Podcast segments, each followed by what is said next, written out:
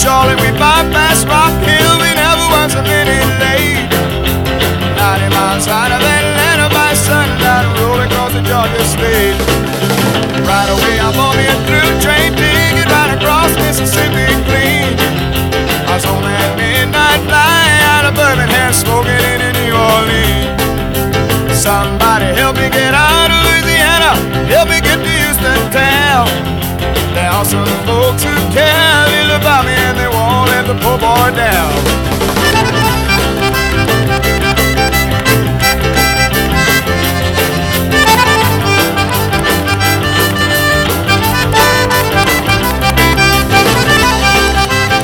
Bueno, launok, berriro ere, soinu gela honetan, ostegunero, bakizu, zuzenean, arratzaldean, eta gero podcast eh, hau ba, eskuragarri gure webgunea edozein momentutan. Bueno, ba, aurko saioa izango da fin time estilokoa, gai batiburuzko kantuekin e, osatutakoa.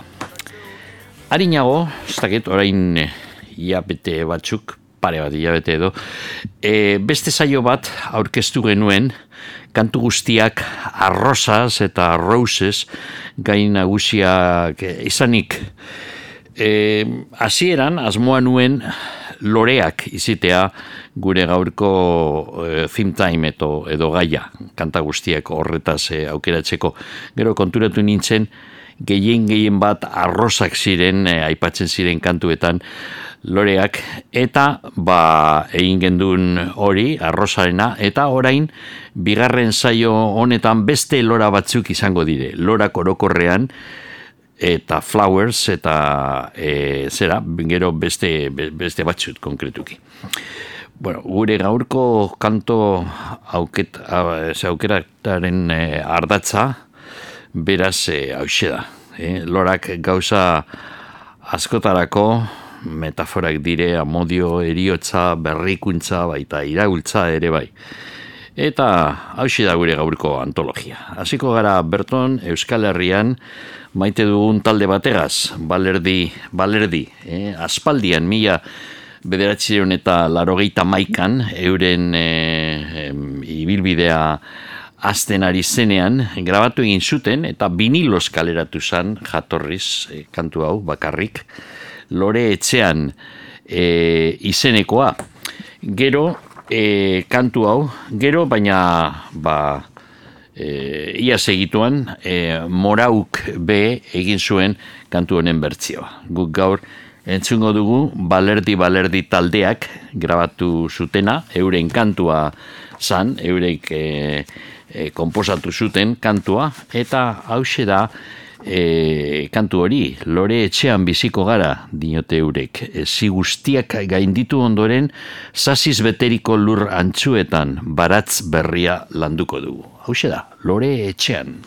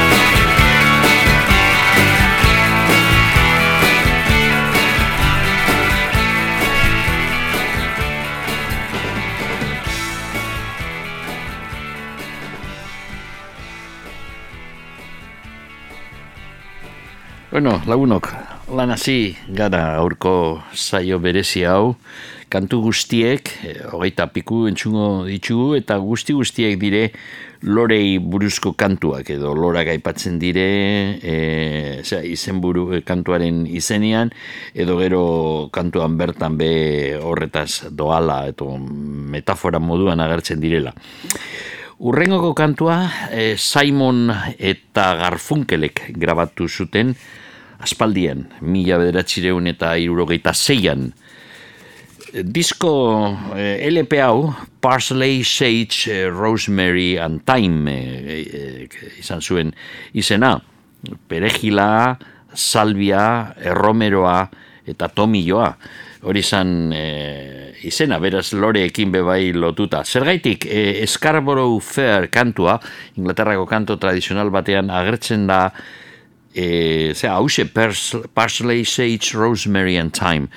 Eta kantu hori entzungo dugu, baina entzungo dugu Martin Karzik e, egindakoa, beranduago gaurko programan. Ze Paul Simonek ikasi zuen kantua Inglaterran, Martin Karziren eskutik. Baina disko honetan badago beste kantu bat, e, nabariagoa, dinote gure gaurko gaiari begire, Eta hause da, entzungo duguna, Flowers never bend with rainfall. Ez da egia den beti-beti, baina bueno, bai, normalean egia da, eh? Lorak inoiz ez dire tolesten euri txaparra dagaz.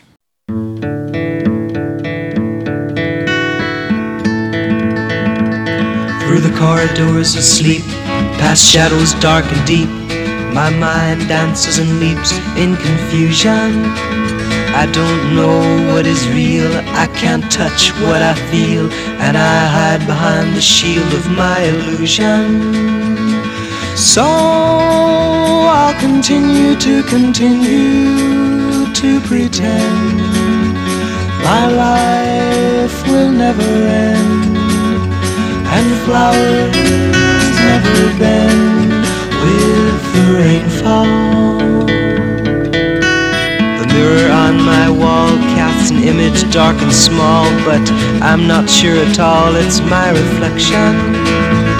I'm blinded by the light of God and truth and right, and I wander in the night without direction. So I'll continue to continue to pretend my life will never end flowers never bend with the rainfall.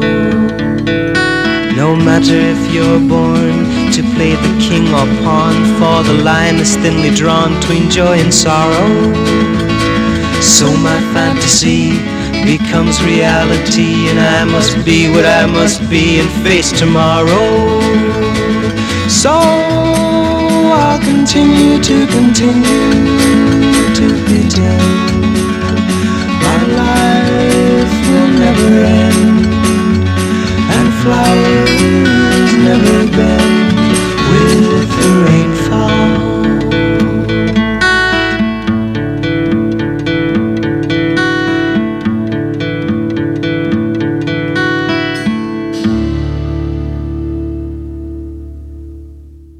Bueno, ba, ontxe Bob Dylan kantu bat. Eh? Bob Dylan beti ahertzen da, bueno, ez da, ez da raro, ez da. Eundaka, ez dakit, zeire un kantu edo komposatu eta gehien bat grabatu dituena. Eta, ba, hainbeste zera e, abestiekin, beti agertuko da, edo zein gai berdin da ze gai aukeratzen duzun, beti egongo da kanturen bant nun gai hori, gai horretaz nola bait, zeo zer esaten dauela Bob Dylanek. Bueno, gure gaurko gaia, flowers edo izanik, loreak, bat opatu du oso kantu evidentea, ez da Wallflower izenekoa mila detzen eta irurogeita maikan, egin zuen Bob Dylanek. Hau da. Wallflower, wallflower, would you dance with me? I'm sad and lonely too. Oh, flower, oh, flower, would you dance with me? I'm falling in love with you. Just like you, I'm wondering what I'm doing here. Just like you, I'm wondering what's going on. Oh, flower, oh, flower, would you dance with me? The night will soon be gone.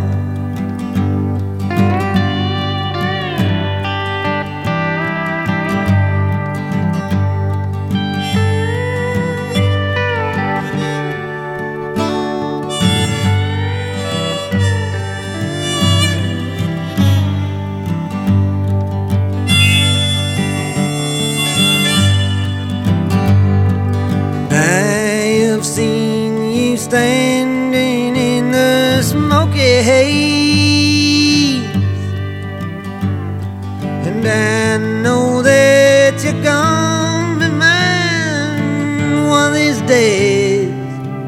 Man alone, wallflower, wallflower, take a chance on me. Please let me ride you home. Wallflower, wallflower, would you dance with me? I'm sad and lonely too. Wallflower, wallflower, take a chance on me. I'm falling in love with you. Bueno, hau da, Wallflower izeneko kantua Bob Dylanena. Bueno, ba, kant, e, Wallflower ez da lore mota bat, ez da e, papera hormetan ipintzeko erabiltzen dan paper e, e, lore duna. E, lehen batez begarai batean erabiltzen zen asko, bakizu gure etxean, e, etxeetan txikerra ginenean, ba, aukeratzen ziren paperak eh, oso zera koloretsuak eta mila e, marrasketa bueno, geometrikoak eta lorak eta denotarik. Ez da, ez da hori. Wall, wallflower, naiz eta wall orma izan eta flower lorea, wallflower da pertsona mota bat deskribatzeko ingelesez erabiltzen den hitza wallflower da pertsona nolabait eh barrikoia edo ez eh, gehiago eh, ez da, ba, introvertido modukoa eta pertsona bat igual ba, beste pertsonekaz dabilena edo festa batean apur bat aparte jartzen dala eta ez du hainbeste zera, beste bertan dauzen beste pertsonekin e, interaktzen. Bueno, ba, hoxe, da, Wallflower. Dilanek grabatu zauen mila betzion eta irurogeta maikan, baina bere diskoetan esan agertu hogei urte pasatu arte, eh? bilduma batean mila bedatzen eta laro maikan. Dena den, Bob Dylanek eh, lagundu zion Dog Sound, Texasko kantari bati, bi urte beranduago mila bedatzen eta irurogeita amairuan, eta disko hartan, eh, Dog Sounden disko hartan, bai egon zala Wallflower Dylanen kantua, eta Bob Dylan be parte, Bob Dylanek parte hartu zauen. Eta horretaz aparte esan behar dugu da, dana da ba, Bob Dylanen semia, Jacob Dylanek egin zuen taldea, eta izena jarri zion talde horri The Wallflowers. Bueno, urrengoko kantua, eh, The Doors taldea, Jim Morrison talde azte zine, benetan. Bueno, euren eh, lan famatuenetarikoa izin zan L.A. Guman izenekoa, onetarikoa be bai. Eta L.A. Guman disko honetan, eurek eh, mm, zera, mm, jarriz, eh, mm, komposatu eta grabatu zuten eh, kantu bat, eh, zera, eh, Hyacinth House. Eh, Hyacinth da jazintuak, bai, eh, dire lora batzuk oso, mm, usain gozoa bolkatenak. Eh, Hyacinth House, The Doors taldea.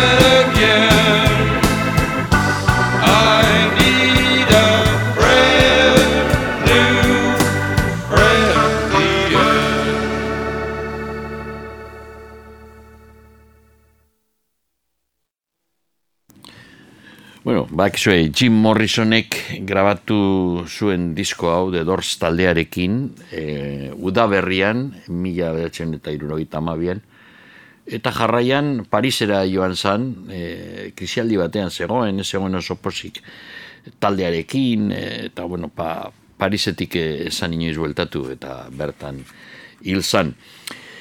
Lehen esan dugu, Martin Karzik eh, grabatu eta, bueno, ba, eh, prestatu zuen berzio bat, kantu tradizional batena Scarborough Fair izenekoa, Scarborough, Scarboroughko zera, azoka.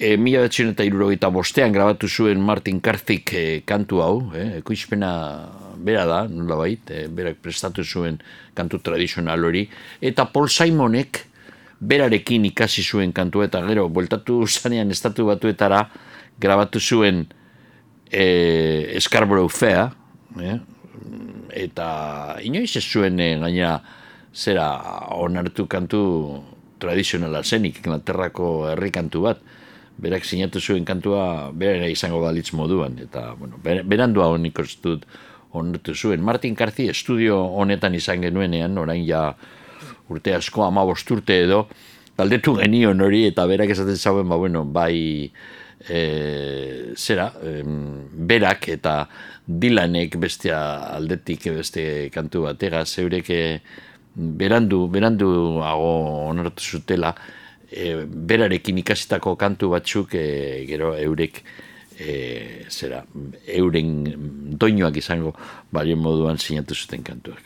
Beraz, bueno, pentsatu dugu Scarborough Fair ekartzea, baina ez Simon eta Garfunkelen bersioa baizik eta Martin Karzirena, eta bueno, kantu honetan, e, azoka horretan, e, sartzen ziren mile gauza, eta aipatzen dire, e, lora batzuk sukaldatzeko, eta bueno, sendabelarrak be izanik, erabiltzen direzen e, zera, ba, bedarrak eta be, bedarrak eta lorak ditsuenak, eta hauek dire batzuk be guk asko erabiltzen ditugunak, parsley, perejia, sage, salvia, hori ez da erabiltzen hainbeste Euskal Herrian, rosemary, erromeroa eta thyme, tomilloa. Kantu astezina, oso kantu ederra benetan. Scarborough Fair.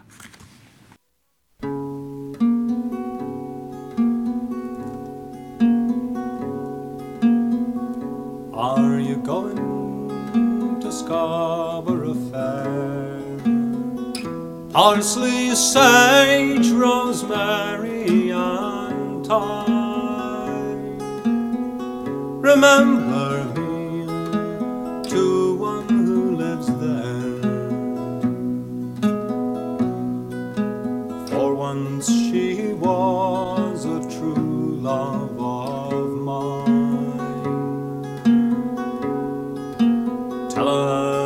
To make me a cambric shirt. Parsley, sage, rosemary, and thyme. Without no seam nor a needlework.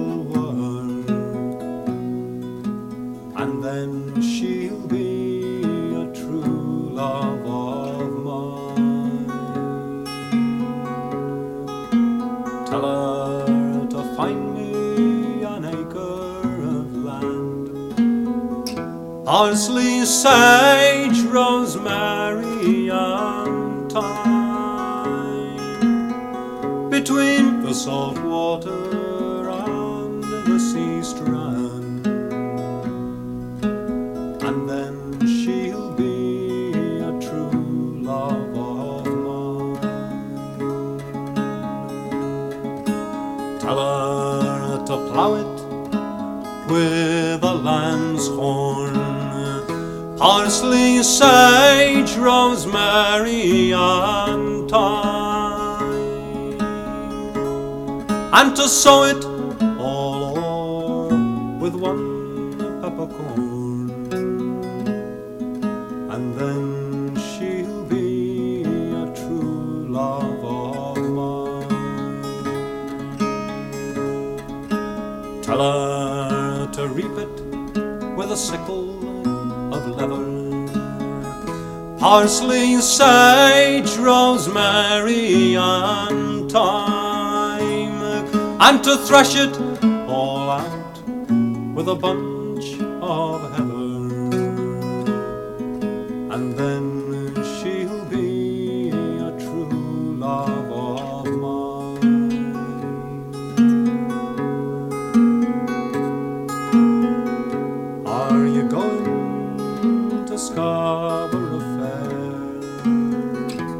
Parsley, sage,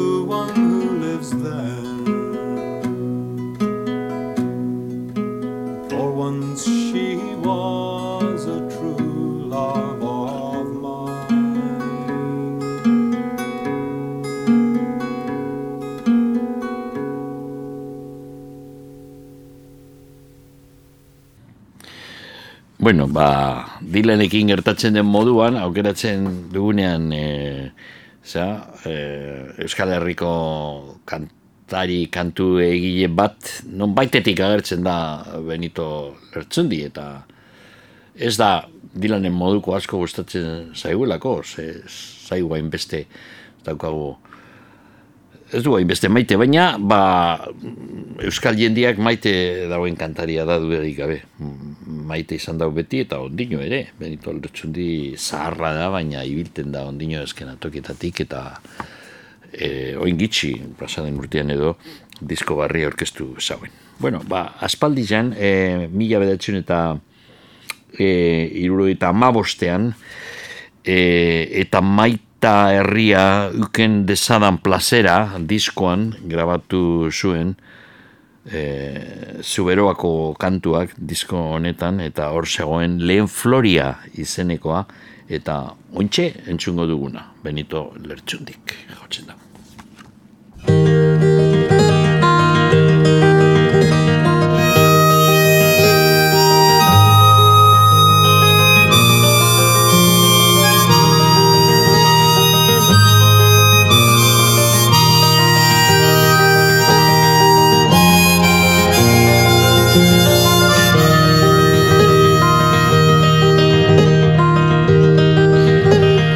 Ederra zira maitia. Erraiten deizitegia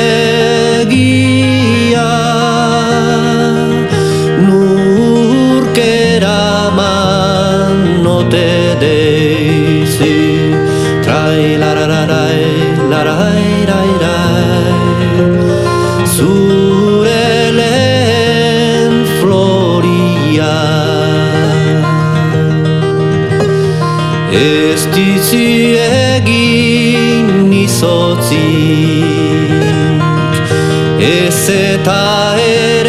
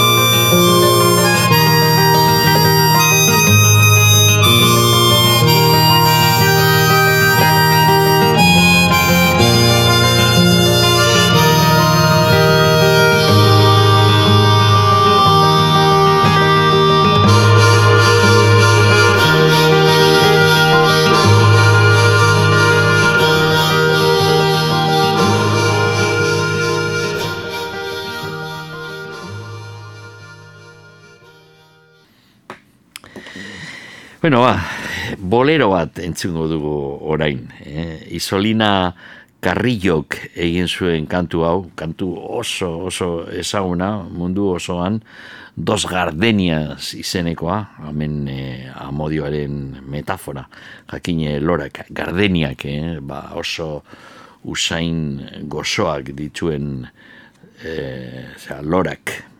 Mila bedatzen bueno, berzioak dauz kuban batez ere, kubako kantua izanik grabatu dire berzio asko, e, eta guk aukeratu dugu mila bedatzen eta laro eta maseian, Ibrahim Ferrerek e, egin zuena, Ibrahim Ferrer ja gizon zaharra zan hartarako, Buena Vista Social Club disko hori grabatu zanean Rai Kuderren produzioarekin, baina ondino Ibrahim Ferrer sasoian zegoen bere abotza behintzat eta hauxe da grabatu zuen Dos Gardenias kantuaren bertzioa.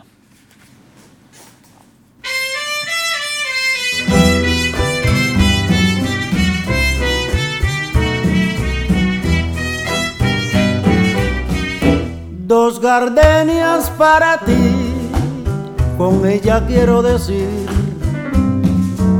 te quiero, te adoro, mi vida. Ponle todas tu atención, que serán tu corazón y el dos gardenias para ti que tendrán todo el calor de un beso, de esos besos que te di y que jamás te encontrarán en el calor de otro querer. A tu lado vivirán y se hablarán como cuando estás conmigo y hasta creerán que se dirán te quiero pero si un atardecer las gardenias de mi amor se mueren es porque han adivinado que tu amor me ha traicionado porque existe otro querer.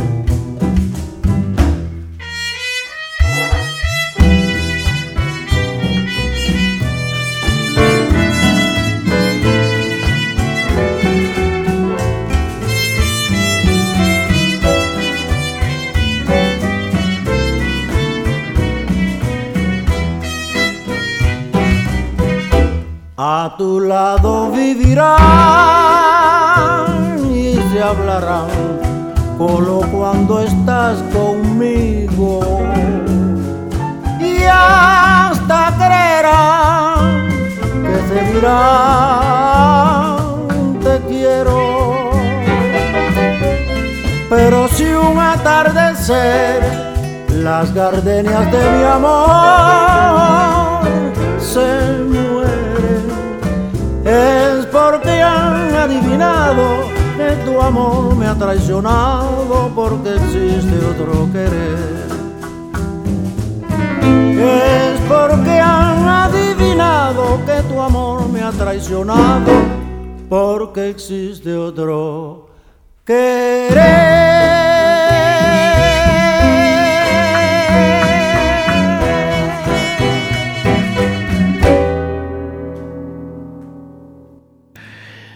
hoxe izin da Ibrahim Ferrerek e, e, grabatu zuen Dos Gardenias bolero ezagun hori. Mm, Inglaterrara, joango gara orain, e, zera, mot e, garaian, e, iruroiko amarkadan, egon zan talde bat, The Move izenekoa. Gero talde honetatik, e, zera, e, sortu zan beste, beste talde bat, e, zen deitzen zen, e, The Electric Light Orchestra, eh? egin ziren oso ezaguna, Roy Wood, izin zan burua, The Move taldearena, eta gero berak sortu zauen. Talde honetan be zegoen beste musikari bategaz, eta gero beste batzuekaz, The Electric Light Orchestra. Baina estilo oso ezberdina zuen bigarren talde e, hori. The Move e, taldearen kanturik eta e, ezagunena agian izin zan orain entzungo duguna. Flowers in the Rain, lorean, e, zera, euripean loreak.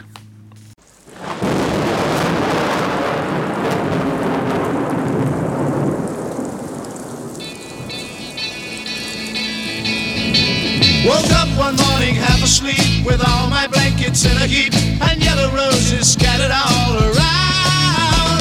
The time was still approaching for I couldn't stand it anymore. So Mary goes upon my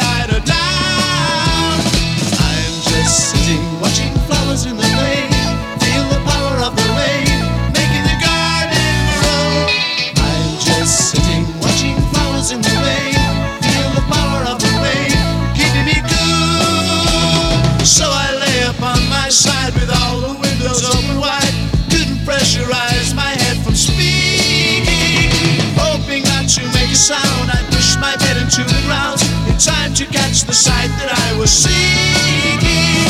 I'm just sitting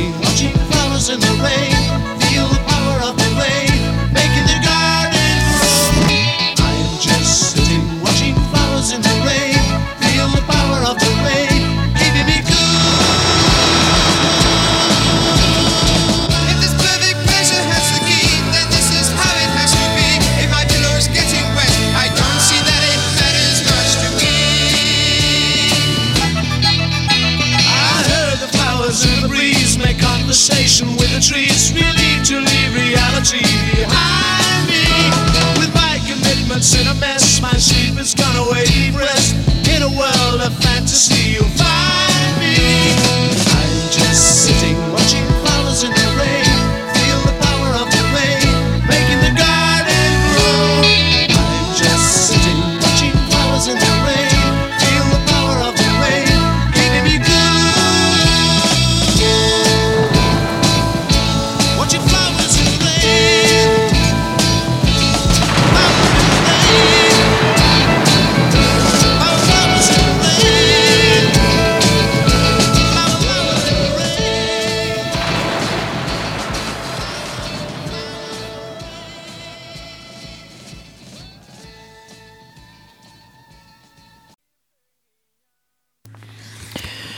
Erdo, lagunok, The Move taldea eta jarraituko dugu Inglaterran The Rolling Stones taldearekin.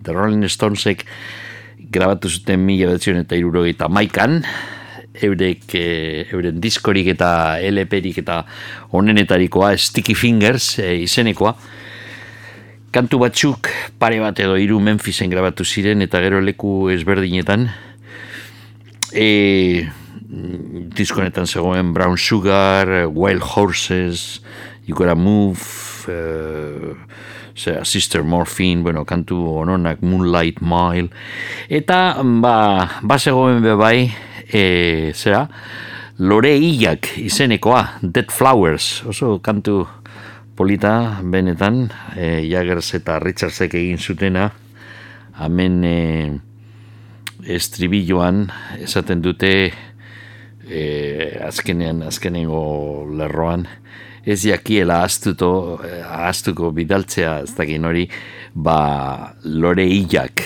bere e, kanposantuan ipintzeko edo Bueno, ba, kantua grabatu zen mila betzen eta irrogeita maikan, esan dugu moduan, eta hausik, hausik direk, eh? Dead Flowers.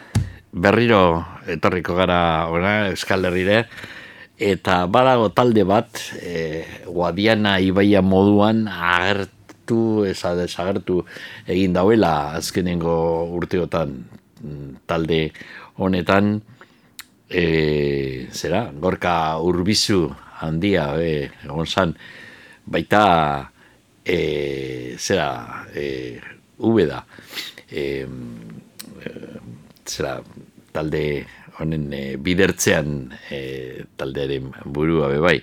Eta bion artean egin zituzten kantu batzu, gero desagartu ziren berriro oin bi urte edo bueltatu ziren beste disko txiker bateaz, eta bueno, ba, peireman ze izena, bakizue, eh? errealeko saleak eh, baldin bazarete seguru dakizuela, zergaitik jarri zioten taldeari peiremans. 2000 eta bostean grabatu zen kantu hau, grabatu zuten eurek peiremansek eh, Sunflowers izenekoa, hau da.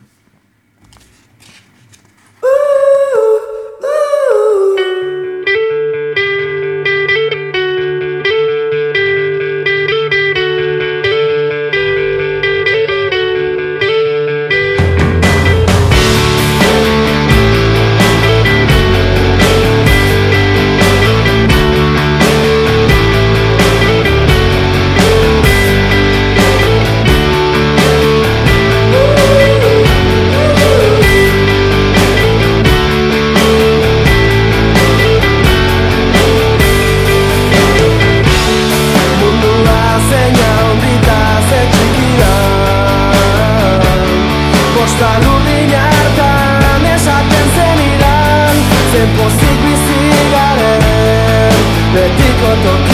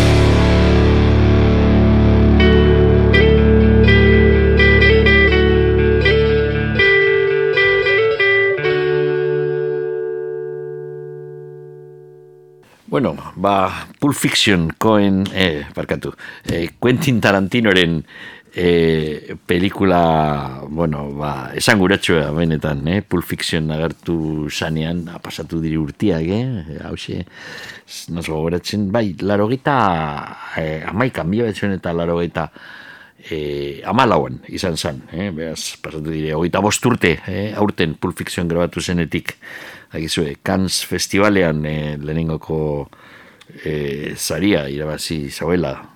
E, eta pelikula horretan, e, bueno, ba, oso pelikula divertigarria benetan, baina e, musika be oso ondo aukeratua, agizue, e, Tarantinok e, e, badu musika salentasun handi eta ondo aukeratzen ditu kantuak bere pelikuletan, oso ongi. E, eta pelikula honetan, egon ziren hainbeste kantu, e, guk aukeratu dugu bat, Flowers on the Wall, hau ez dire Wallflowers, baizik eta Flowers on the Wall, eta The Statler Brothers grabatu zuten kantua mila betzen eta irurogeita amabostean, eta gero pelikula horretan ezagutu gendun kantua, Flowers on the Wall.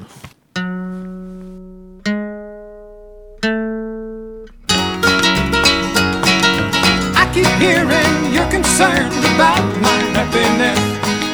But all that thought you're giving me is conscience, I guess. If I were walking in your shoes, I wouldn't worry none. Are you and your friends are worrying about me? I'm having lots of fun. Counting flowers on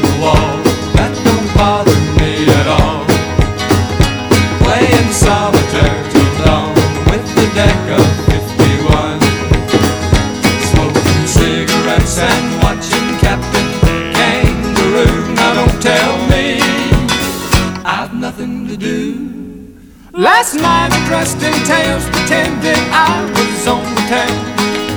Long as I can dream, it's hard to slow the swinger down. So please don't give a thought to me, I'm really doing fine. You can always find me here and having a quiet time. Counting flowers on the wall,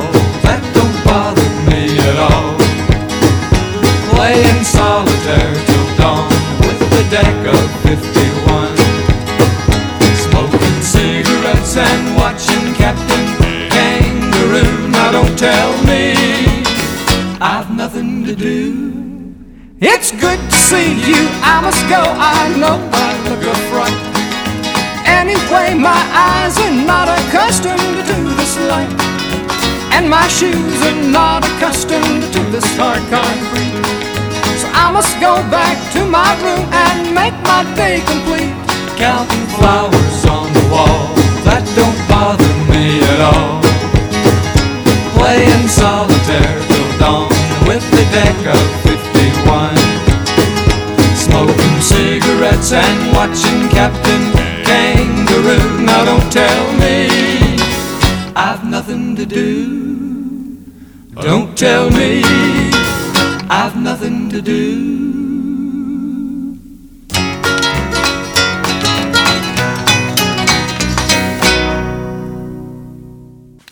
Bueno, urrengoko kantaria izango duguna, eh, Valentziakoa, Valentziakoa san. Eh, Luis Manuel Ferri Llopis zuen izena berak, baina kantari moduan Nino Bravo hartu zuen eh, goitizena. Eta, bueno, ondino astea zanean, hogeita amaika urtegaz, mila eta iruro eta amairuan, e, hil zan, hil zan e, kotxe istripu batean, bere BMW-en e, zegoen, mm, zera, beste e, hiru musikariekin, e, Jose Juesa, bere gitarjolea, Mikel Diurni eta Fernando Romero, hauek biek e, humo e, taldearen kideak, eta ba, horre istripu bat izan zuten, eta bueno, besteak ez ziren hil, baina mm, Nino Bravo bera bai, eh, buruan hartu zauen kolpearen ondorioz hil zan. Eh, ahotsa handia zuen, berak egiten zuen gero mm, musika estilo da zan pop apur bat eh, estandarra, baina ba, ba zuen abotz eh, handia, eta hiru urte hil baino hiru urte harina homia betzen eta hiru eta marrean izan zuen bere kanturik eta salduenetarikoa, eta orain entzungo duguna, un beso y una flor izenekoa.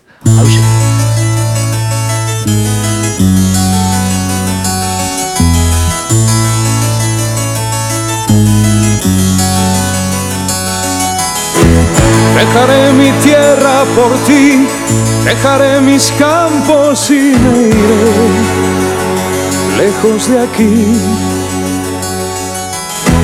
cruzaré llorando el jardín y con tus recuerdos partiré lejos de aquí. De día viviré pensando en tus sonrisas, de noche las estrellas me acompañarán. Serás como una luz que alumbre mi camino. Me voy, pero te juro que mañana volveré.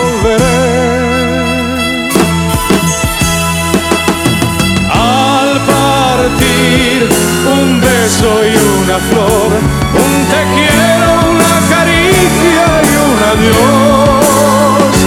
Es ligero equipaje para tan largo viaje, las penas pesan en el corazón. Más allá del mar habrá un lugar donde el sol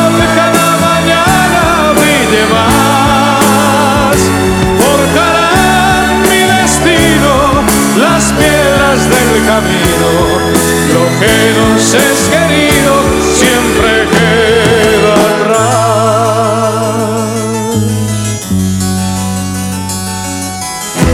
Buscaré un hogar para ti, donde el cielo se une con el mar, lejos de aquí. Con mis manos y con tu amor, lograré encontrar otra ilusión, lejos de aquí. De día viviré pensando en tus sonrisas, de noche las estrellas me acompañarán. Serás como una luz que alumbre mi camino. Me voy, pero te juro que mañana volveré.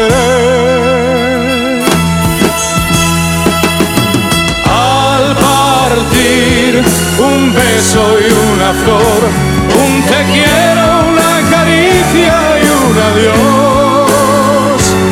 Es ligero equipaje para tan largo viaje, las penas pesan en el corazón.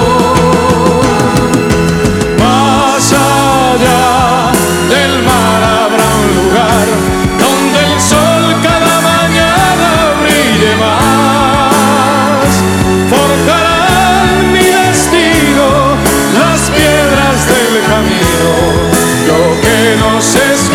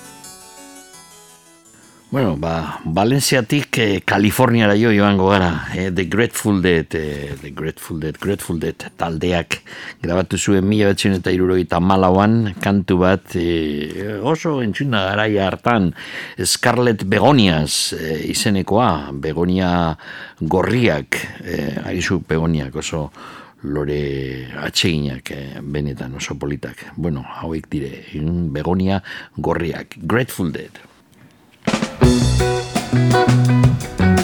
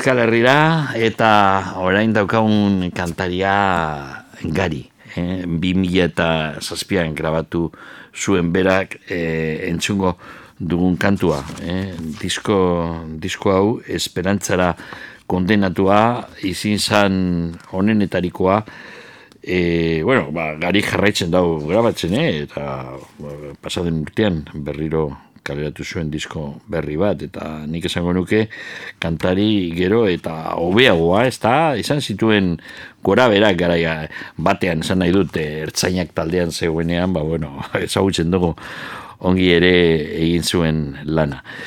E, bueno, ba, Jon Benitoren hitzekin egin zuen garik orain entzungo dugun kantua, Mm, musikari handiekin grabatu zituen be kantu hau, David González, basu jolea, Carlos Aranzegi, bateria jolea eta Fran Iturbe gitar joleak eta hautsak be bai laguntzen zion gariri. E, hiru musikari, e, osea, irukote benetan, e, onenetarikoa egon alden gure eskenan eta hauxe da kantua, amapola.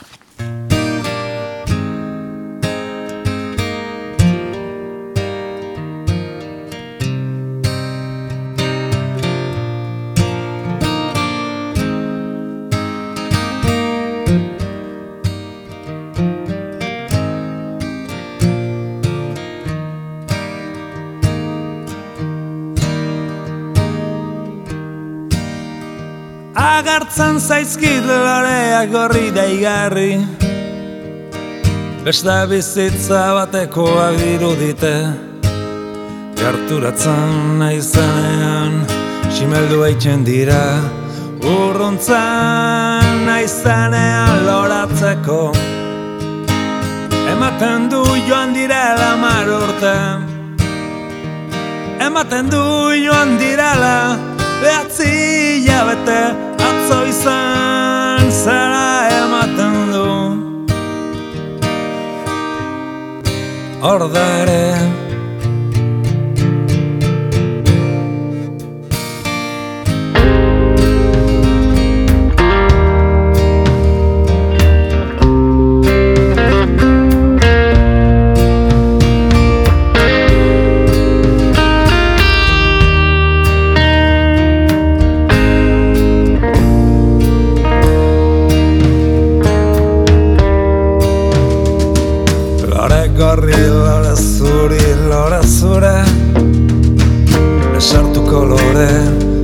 utzuko nenu fare Biarle horatze zutan, gaur bare Lore guztiak nire baitan dare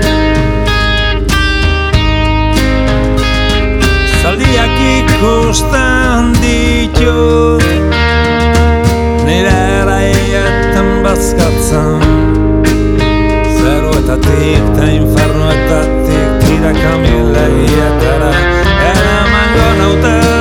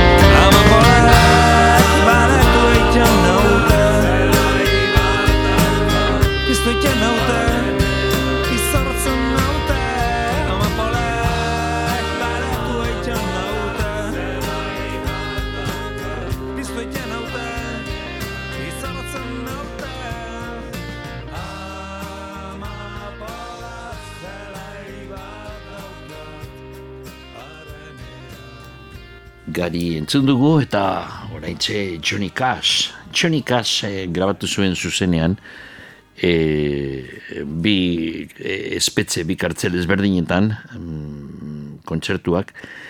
Hauxe, e, izin zan e, Folsom Prisonen e, grabatutakoa, Kalifornian, mila e, behatzen eta irurogeita sortxien. E, horra joan zan, e, bere zera, familiaz, June Carter, e, kantariagaz, The Carter Family laguntzen, eta gero musikariak e, ba, Perkins anaian, Luther eta Carl Perkins, Slater Brothers, lehen izan ditugunak, kantu hori Flowers on the Wall, e, mm, zera, mm, e, Pulp, e, Pulp Fiction pelikulan agertzen zen kantu hori, ba, hemen egon ziren bebai, e, laguntzen abotzekaz. Bueno, talde handia eroan zuen Johnny Cashek e, kontzertu honetara, eta mm, hemen grabatu zen kantu ezagun bat, Bluegrass e, inguruan, e, zera, eremuko kantu oso ezaguna, Orange Blossom Special, ba, ekzu.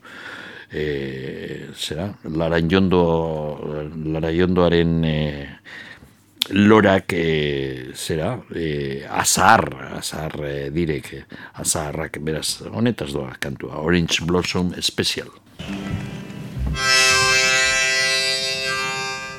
Boom, boom, boom. Hey, look yonder coming, coming down that railroad track. Hey, look yonder coming, coming down that railroad track. It's that orange blossom special, bringing my baby back.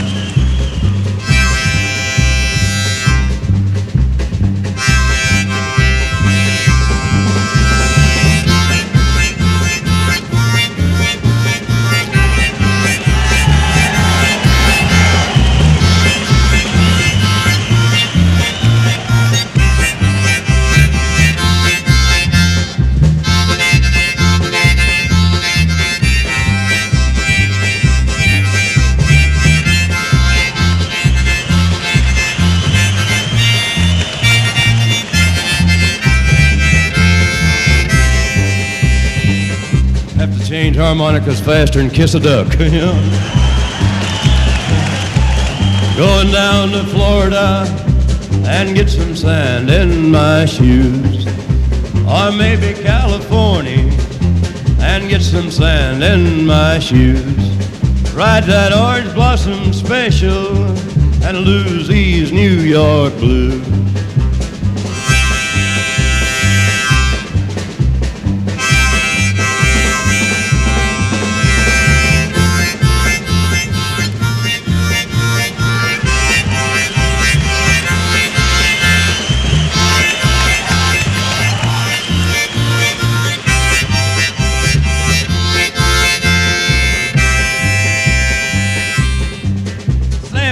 Going back to Florida?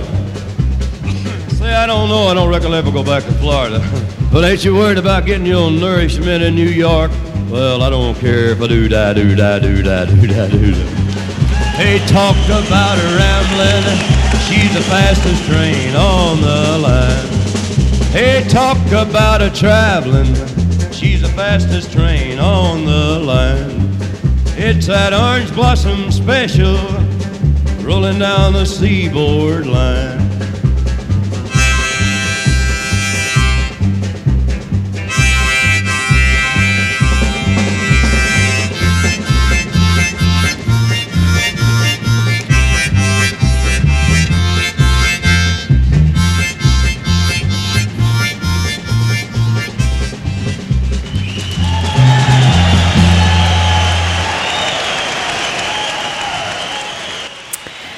Berriro Grateful Dead izango dugu. Hauxe, aurreko kantua, entzun dugun, lehen entzun dugun Scarlet Begonias, iroita malaukoa zan, hauxe, laurte harinagokoa, eh, American Beauty diskorako grabatu zuten Sugar Magnolia, bakizu Magnolioa da jatorriz estatu batuetako hegoaldetik datorren e, arbola, eta, bueno, ba, amentxe be inguru honetan Bilbon berton badauz e, horrelakoak badu be oso osea, usaintxue eta polite eh, duen eh, lora.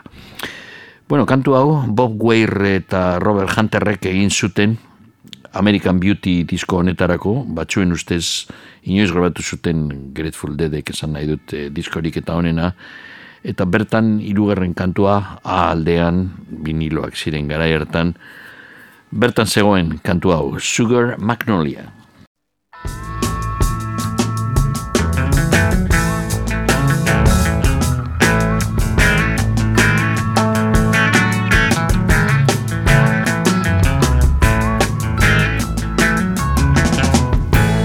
Sugar magnolia, blossoms blooming. That's all empty and I don't care. So my baby down by the river knew she'd have to come up soon for air. Sweet blossom, come on under the willow. We can have high times if you look back. We can discover the wonders of nature, rolling in the rushes down by the riverside. Everything delightful. She's got everything I need. Takes the wheel when I'm seeing double.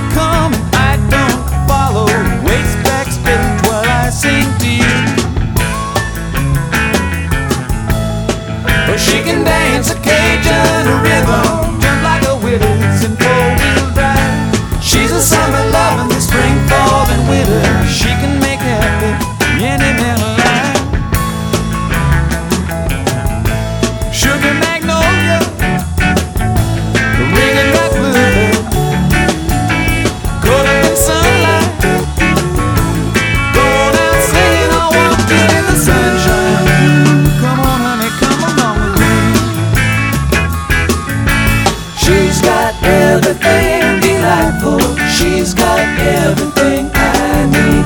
A breeze in the pines in the summer night, moonlight, crazy in the sunlight, yes indeed. And sometimes when the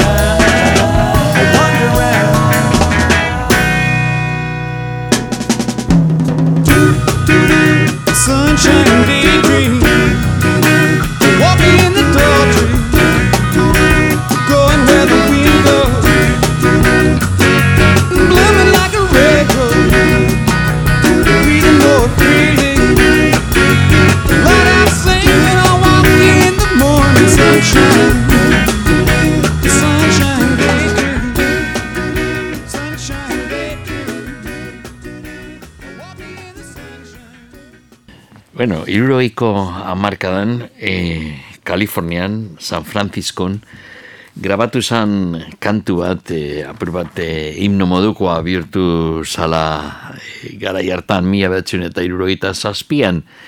Ekoiztu zuen kantua Scott Mackenzik. Baina kantuaren egilea, oker ez banagil, ez banabil, John Phillips e, izin zan, John Phillips, Mamas and the Papasen e, buru bet, ze Mamas and the Papasen taldean laurak ziren e, nolabait e, estatus e, berekoa artistikoki. Scott Mackenzik e, grabatu zuen kantua John Phillipsena eta esan dugun moduan oso oi handia izan zuena. Bakizu, e, flower, flower power, e, esaten zan gara hartan, ez da lore poterea eta hippien kontua eta San Franciscon ba, agertzen ziren askotan loreekin e, ulean jarritak eta horretaz doa kantua San Francisco izan zen kantuaren izena, baina gero parentesis artean be sure to wear flowers in your hair eh, ziurta, ziurta zaitez eh, eroateko lorak zure ulean.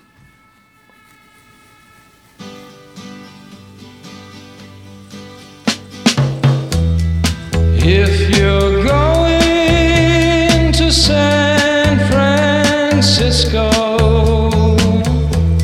be sure to wear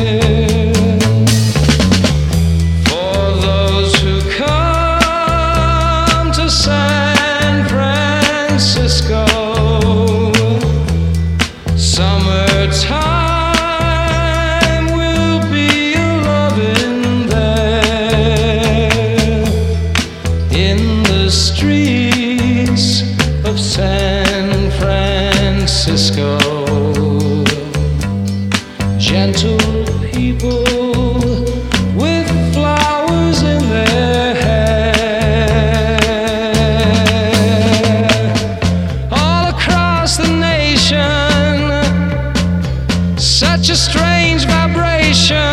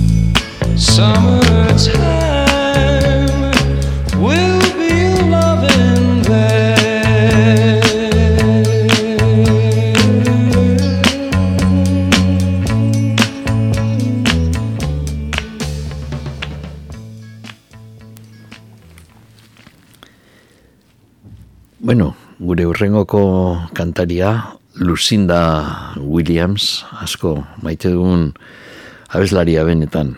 Berton kafean txokian pare bat aldiz txinez eh, egondakoa eta beti emanaldi ederrak eh, eskaini zituenak.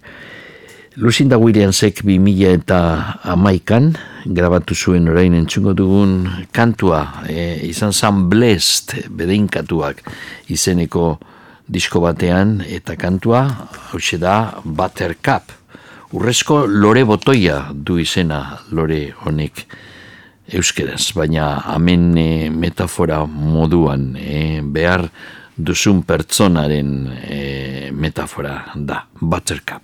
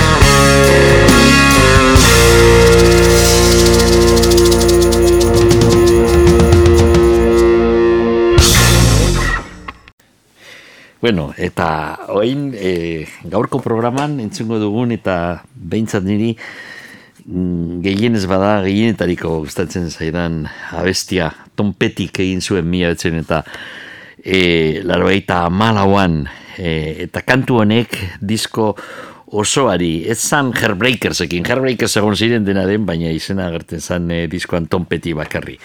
Eta diskoa izin zan Wildflowers, e, basoko loreak eta kantua ere bai, hause da.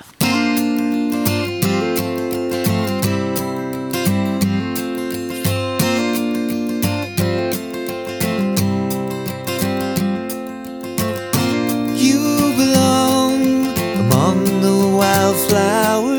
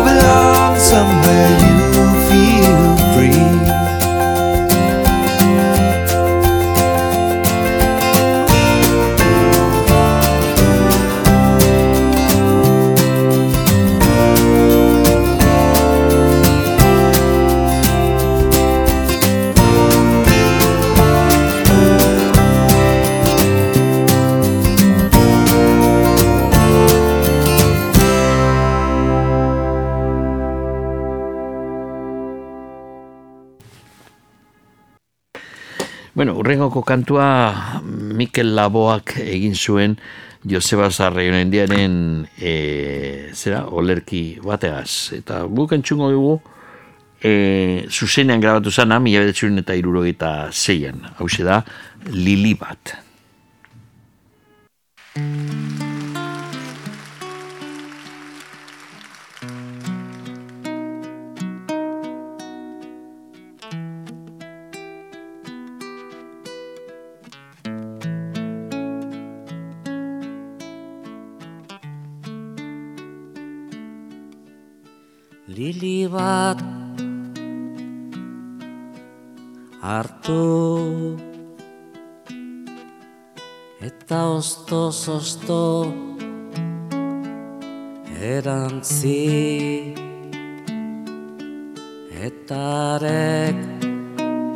zu ere hamet etaren zu ere erantzi. Eta osto osto hartu lili bat. Eta osto osto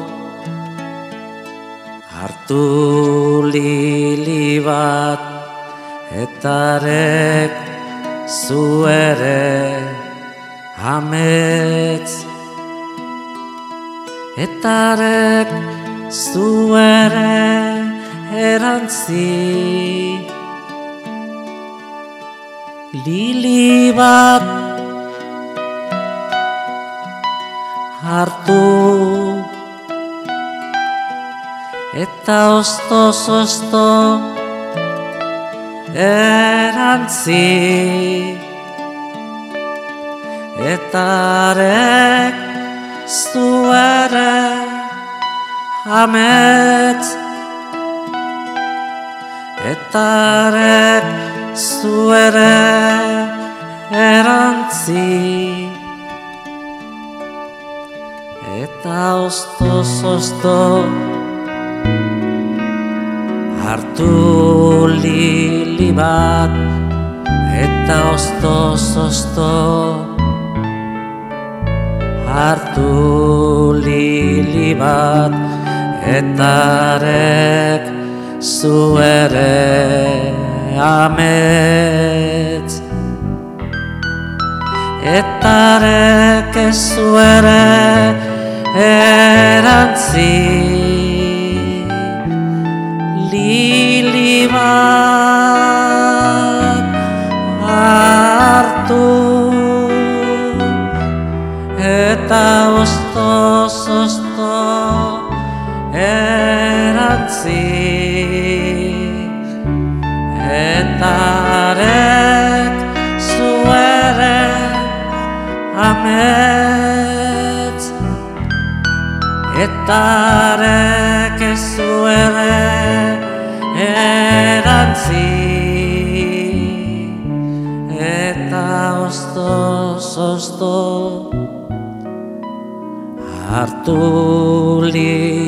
bat eta ostoz osto hartu lili bat etarek zu ere amets. Etarek zu ere erantzi.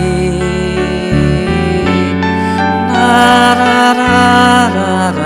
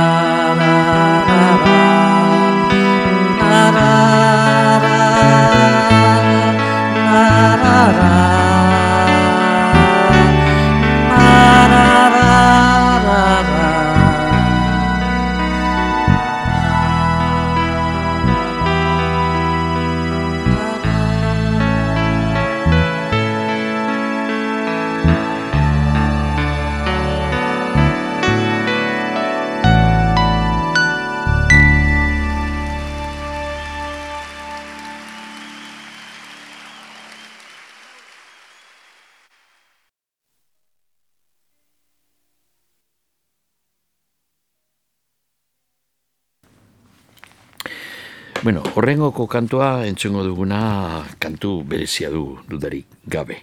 Where have all the flowers gone? Nora joan dire, lore guztiak. Pete Seegerrek kontatzen zuen, kontatu zuen, zelan idatzi zuen kantua mila bedetzen eta laro e, amabostean, e, egun bat, e, zera, Michael Solhoff e, novela famatu bat, Quiet Flowers, uh, The Dawn, e, liburu irakurtzen ari zenean, e, hor e, liburu horretan, novela horretan ikusi zuen Where are the Flowers galdera hori, eta berak bazuen Long Time Passing beste lerro bat kantu baterako, eta bueno, When will they ever learn, eta horrelan holan bazuen estribilloa, Where have all the flowers gone, Long Time Passing, When will they ever learn. Mila edatzen eta berrogeita maseian pitzigerrek grabatu zuen kantu hori Folways disketxerako, eta bueno, ba, ziren hasi izan jotzen kantua kontzertuetan, baina mm, gero itxi zion kantatzeari, e, abesti hau, Eta beranduago, eh, Peter Paul and Mary eta The Kingston Trio grabatu zuten kantua, eta hortik eh, aurrera ikur bat bihurtu zen, ikurra ondia ondia mundu osoan, eta gero pitzigerre jakina berreskuratu zuen bere kantua eh, egitzeko. Bueno, hori da kantuaren historia zelan sortu zen, baina guk entzungo dugun grabazioa, e, zera, ba, Irlandan grabatu zen, e, Rostrebor, ipar Irlandan Usterren, eta mm, Jim Musselman, e, zera, The Songs of Pete Seeger eh, proiektuaren e, arduraduna, e, berak pentsatu zuen kantu hau mm, oso aproposa izingo zan, e, grabatzeko eta iziteko protagonistak e, Ulsterreko kantariak, Irlandako kantariak eta musikari bat Bosniakoa. Garai hartan hau grabatu zanean, mila betxen eta laro eta amazazpian ondino e, oso zera, zegoen Bosniako gerra bebai eta Irlandan ondino finkatu barit e, bake prozesua e, zera sinatu barik. Beraz, e, berak pentsatu zuen, e, alde batetik e, Tommy Sanz, e, Ulsterreko Belfasteko kantaria, e, oso aproposa izango zan hori kantatzeko, Dolores King e, beste kantari bat, e, egoaldekoa, Irlandako egoaldekoa izanik, eta e, gero musikariak Lian O'Flynn, e, gaita jole, handia Irlandarra, Artie McLean, bueno, musikariak Irlandarrak. Baina, e, Bosniatik ekarri zuen bedran Smailovic txelo jotxailea, eh? ba, kontestu klasikotik, musika klasika jotzen zauena. E, Smailovic, bedran Smailovic izin zan, Abdo Smailoviken semea bere aita izin zan musikari klasikoa Europa osoan oso ospetsua eta aita, baita semeak ere pentsatzen zuten e, musika klasika e, esan bakarrik e, zera, aberatzentzako musika edo, bueno, ba, kultura handiko zuen jendearen txat, baizik eta herri osorako eta e, bieke ibilten ziren herri zerri leku txikietan bebai musika egiten. Gero, historia da, Esmailovik, bedan, bedran Esmailovik, Sarajeboko musikari hau, Sarajebon bertan, ba, egin zan famatua, ba, komatxoen artean, esan nahi dut, e, zera, zer gertatu zan, Sarajebo sitio e, onzanean e, inguratua, e, Bosniako ejertzitoa inguratua, eta Bosniako ejertzitoa e, Sarajebo kupidarik gabe bombardeatzen egoten zanean, Esmailovik e, irten zan kalera, Sarajeboko kaleetan, eta agertu zan munduko telebista guztietan nolan, jantxite e, formalki, kontzertuetarako jazten direzen musikariak, mm, aulki bat ipini hor kalian, e, eta bere txeloagaz jotzen. Eta bueno, CNC, CNN-ko esatari batek elkarrezketatu zuen kalean eta galdetu zion Esmailobiki. Ia burutik zegoen jotzeko kalean, bombak jausten ziren bitartean eta berak azerrez erantzun zion, haber zelan galdetzen zion hori ia burutik zegoen eta ez ia burutik dauzen hori egiten dutena Bosniako ejertzitoa bombak botatzen zituela Sarajeboko zera, hainbeste pertsonak eh, hiltzen. Bueno, gero e, Tommy Sanz eta Abdo Esmailovic, Tommy Sanz Irlandarra eta Abdo Esmailovic, e, josuten bebai e, New Yorkeko Carnegie Hallen, e, ba, zera, mm, mm, eurek josuten e, ez Carnegie Hallen beranduago izin zan, jo zuten e, askatasun estatuaren onduan, e, New Yorken, e, Sarajeboko asedioaren e, milagarren egunian, e, hori ba, jendeari gogoratzeko zer gertatzen ari zan Sarajebon hiru urte ostean e, bombardaketak eguneroia. Bueno, hause da, hause da kantua, pitzigerrena, baina Irlandako eta Bosniako musikariekin eindakoa. Where have all the flowers gone?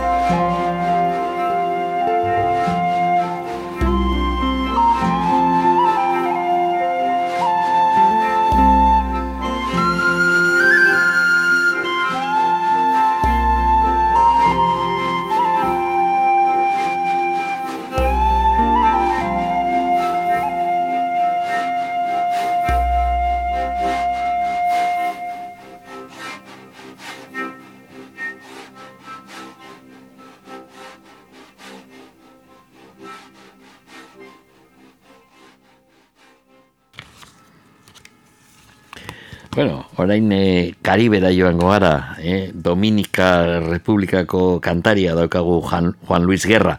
Agizue, Juan Luis Gerra eh, sendagilea esan, medikue, baina itzi, itzi zuen medikuntza ba, kantatzeko.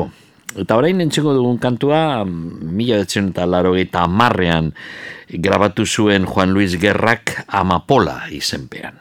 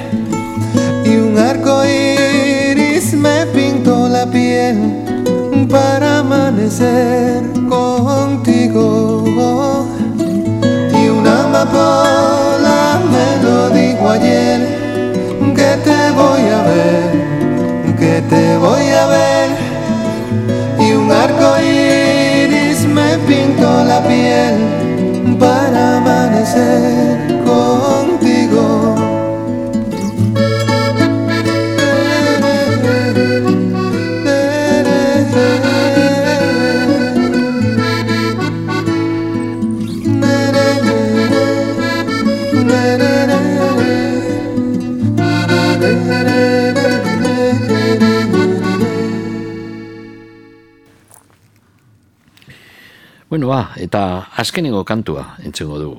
Gaurko programan, gaurko saio honetan, ba, gizue, lorak izan dire gure protagonista, kantu guztiek, lorei buruzkoak, eta, bueno, lorak orokorrean, entzun gara loretaz, baina bebai izan ditugu jazintoak, izan ditugu gardeniak, e, gero begoniak, eta amapolak, eta magnoliak, baina falta zitzaigun lore bat, agian misteriotsuena, orkidea, eta The White Stripesek eh, enbibin eta bostean egizuten kantu hau, orkidea urdine, Blue Orchid.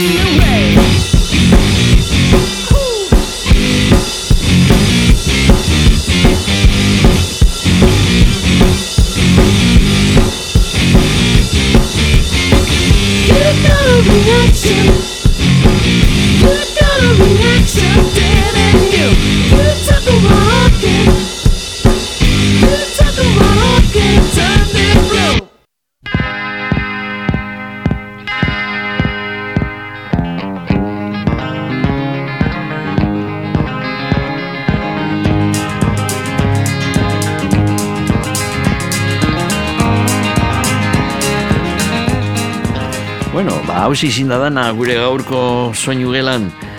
Loreak eta flowers herri kantuetan, hori izan du gure gaurko gaia, eta bueno, ba, esango ditut eh, nortzuk izan direzen gure gonbidatuak, Balerdi Balerdi, Simon and Garfunkel, Bob Dylan, The Doors, Martin Carthy, Benito Lertxundi, Ibrahim Ferrer, The Move, The Rolling Stones, Peiremans, The Statler Brothers, Nino Bravo, Grateful Dead, Bitan, Gary, Johnny Cash, Scott McKenzie, Lucinda Williams, Tom Petty, Mikel Laboa, Tommy Sanz, Dolores King eta Vedran Smailovic, Juan Luis Guerra eta azkenik The White Stripes. Hau izin da dana, gure gaurko soinu gela honetan, datorren asterarte ondo ibili eta agur.